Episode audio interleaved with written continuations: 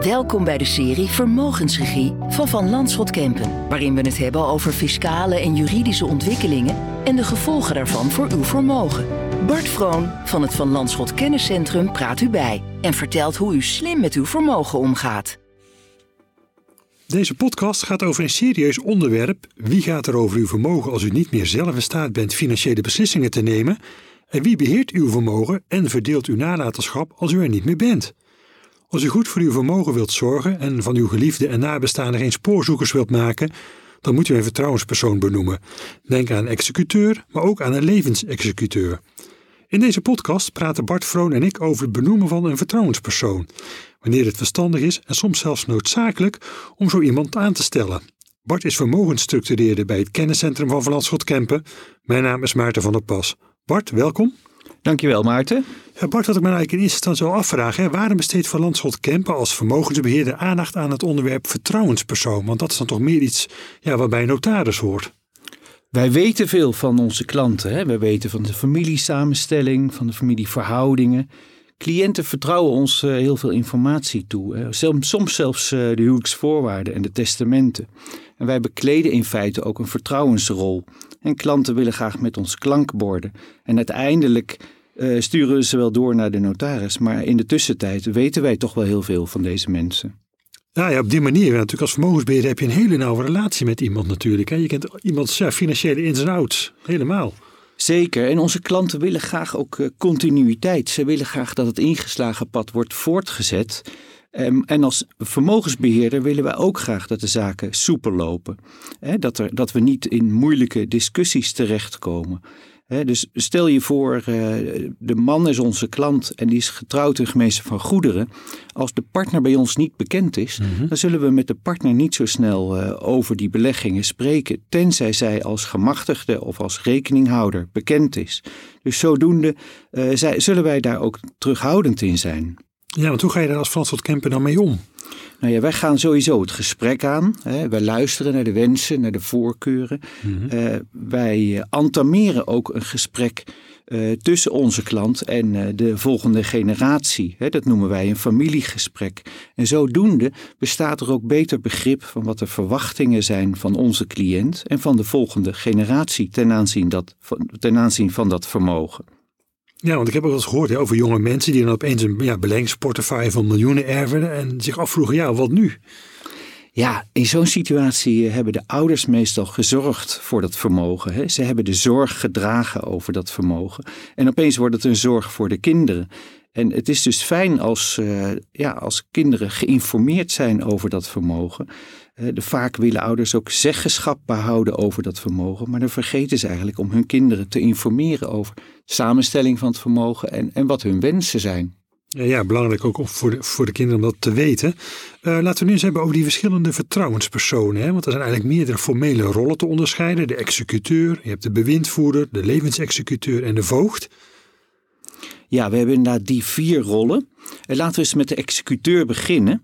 De executeur die wordt in een testament benoemd en die kan verschillende bevoegdheden hebben. Zijn bevoegdheden kunnen uiteenlopen, alleen het regelen van de begrafenis of de crematie. Maar het kan ook gaan om het beheren van de nalatenschap. En, en de meest verregaande vorm is het verdelen van de nalatenschap. En de rol van de executeur die treedt in werking op het moment dat hij of zij die taak heeft aanvaard. En dan wordt een verklaring van executelen afgegeven. En wij als vermogensbeheerder weten dan ook met wie, met wie we mogen praten. Hè? Wie het aanspreekpunt is voor de effectenportefeuille. Ja, dan zeg jij, die executeur die wordt in het testament benoemd. Als er nou geen testament is, komt er dan toch een executeur? Nee, nee, want uh, dan is het eigenlijk zo dat uh, de erfgenamen het samen moeten oplossen. En dat kan best wel lastig zijn, want de belangen lopen soms uiteen en de belangen zijn soms ook heel erg groot. Maar ze kunnen dan wel uit hun midden een, een vertegenwoordiger benoemen. Dat is dan niet een executeur, maar dat noem je dan een boedel, gevolmachtigde. Uh, maar voor de verdeling van de nalatenschap zelf heeft hij dan altijd nog wel uh, de medewerking nodig van alle erven. Dus dat kon soms wel tot een impasse leiden. En het is ook niet zo dat er altijd een executeur nodig is. Als er sprake is van een huwelijk of een geregistreerd partnerschap en er is tenminste één kind, Nou, dan is de wettelijke verdeling van toepassing. En dan gaat de effectenportefeuille van rechtswegen over op de partner. Dus dan is er geen verklaring van erfrecht nodig. Mhm. Ja, en nog, en nog even over de bevoegdheden van een executeur. Hè. Mag die bijvoorbeeld opdracht geven tot het verkopen van een effectenportefeuille of het wijzigen van het beleggingsprofiel? Gaat dat zover? Ja, dat hangt heel sterk van de bevoegdheden af. Hè. Ik zei net al, uh, je hebt executeur die alleen maar voor de uitvaart mag zorgen. Nou, die mag alleen maar de nalatenschap, uh, die mag alleen maar uit de nalatenschap de uitvaart betalen. Maar gaat het om een twee-sterren executeur, dat noem je dan een beheersexecuteur. Nou, dan in het algemeen zullen wij wel meewerken aan de verkoop van een portefeuille, voor zover het nodig is om erfbelasting te betalen. Maar gaat het echt om een wijziging van een beleggingsprofiel? Nou, dan uh, heeft het echt onze voorkeur dat het de instemming heeft van alle erven. Dus we willen van iedereen een handtekening. Nou, de meest verregaande vorm van executeur, dat is de afwikkelingsbewindvoerder. En die mag eigenlijk de portefeuille zelf verkopen of het profiel wijzigen. Ja, dan noem je afwikkelingsbewindvoerder. Is het dan weer wat anders dan een zeg, gewone bewindvoerder? Ja, dat is juist. Een afwikkelingsbewindvoerder is een, eh, wat we ook wel noemen, een drie sterren executeur. Dat is een executeur met de meest verregaande bevoegdheden. En zijn taak eindigt zodra de nalatenschap is verdeeld. Dat is vaak uiterlijk eh, vijf jaar na het overlijden. Eh, en een bewindvoerder die zorgt voor het onder bewind gestelde vermogen. En dat mhm. zien we vaak bij kinderen. En dat duurt dan vaak voort tot bijvoorbeeld een leeftijd van 23 of 30 jaar. En een bewind kan dus worden ingesteld bij een schenking of eh, in een testament. En een bewindvoerder kan het onder bewind gestelde vermogen ook gedeeltelijk vrijgeven. Dus bijvoorbeeld wanneer het kind een auto of een woning wil kopen. En, en dit is vooral ingesteld ter bescherming uh, van het kind zelf. En het, het dient dus eigenlijk uh, ter voorkoming van financiële beslissingen waar het kind misschien later spijt van heeft. Ja. Nu hoor je ook wel eens dat mensen meerdere executeurs benoemen. Wanneer is dat dan zinvol? Nou ja, dat is vooral zinvol wanneer uh, het vermogen omvangrijk is. Of dat gaat om bijvoorbeeld een onderneming en om een, een andere vorm van vermogen, bijvoorbeeld een effectenportefeuille. Dan zou je dus per vermogensbestanddeel kun je aparte executeurs benoemen.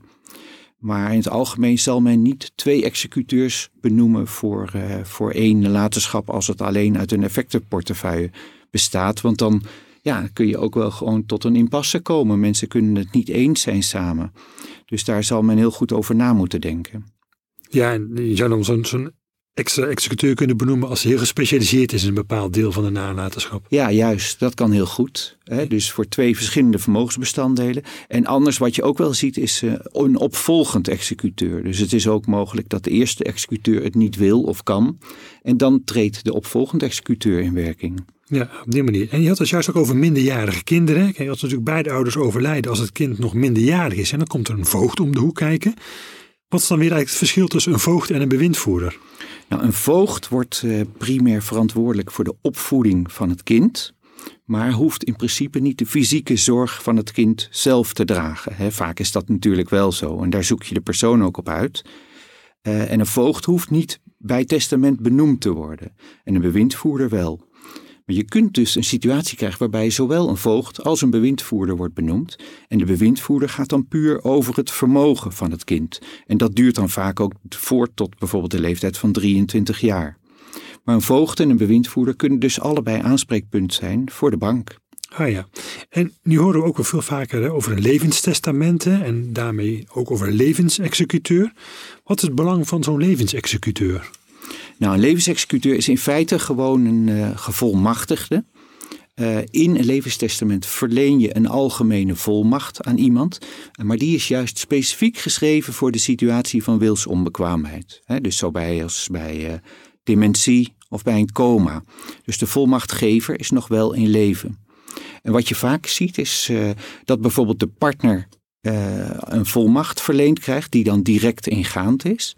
En dat er een uitgestel, uitgestelde volmacht wordt verleend aan bijvoorbeeld uh, twee kinderen samen. Maar die treedt dan pas in werking nadat een arts de wilsonbekwaamheid heeft vastgesteld. Hmm.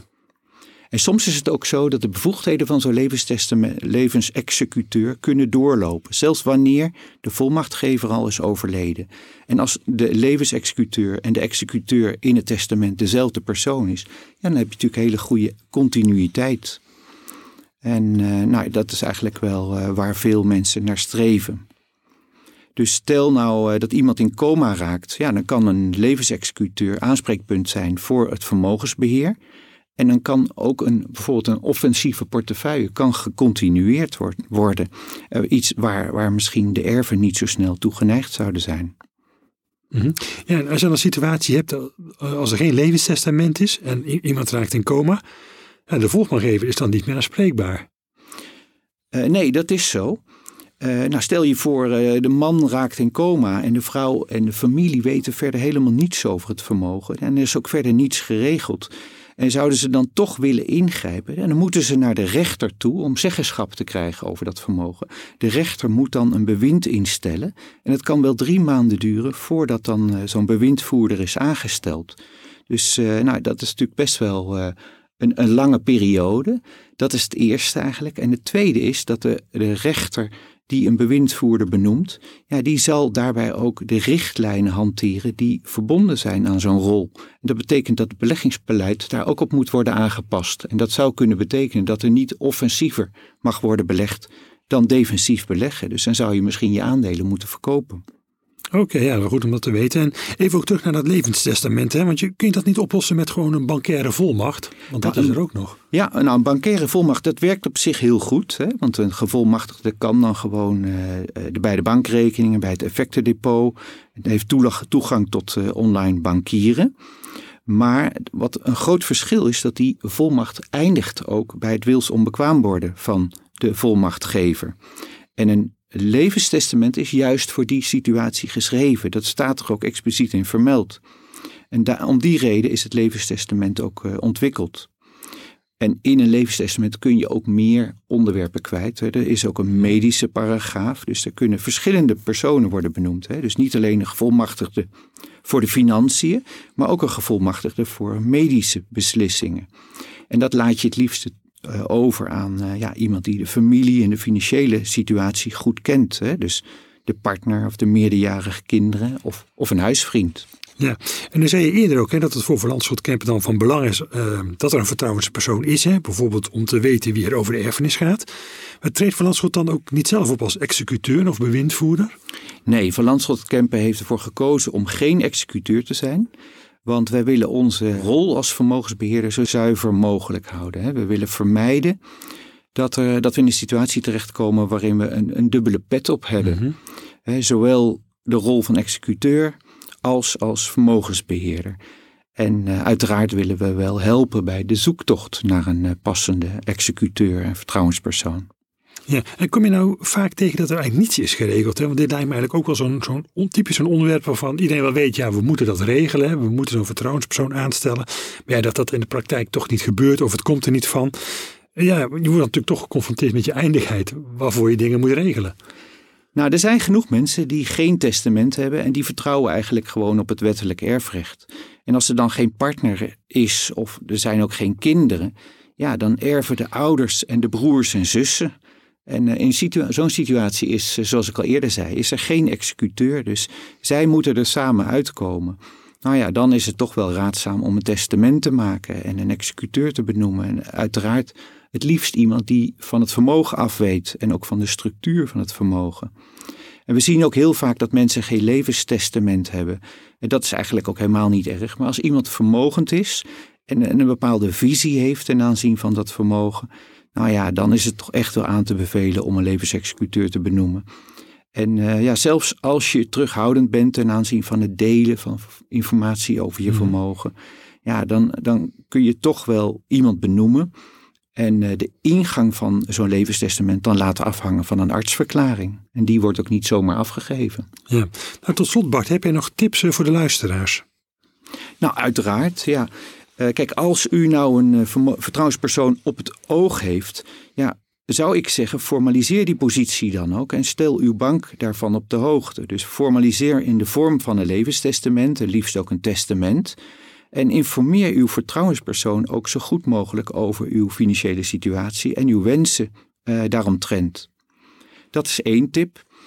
Uh, een tweede tip is, uh, als u nou één van uw kinderen tot levensexecuteur wilt benoemen, nou, dan kunt u ook overwegen om een ander kind tot toezichthouder te benoemen.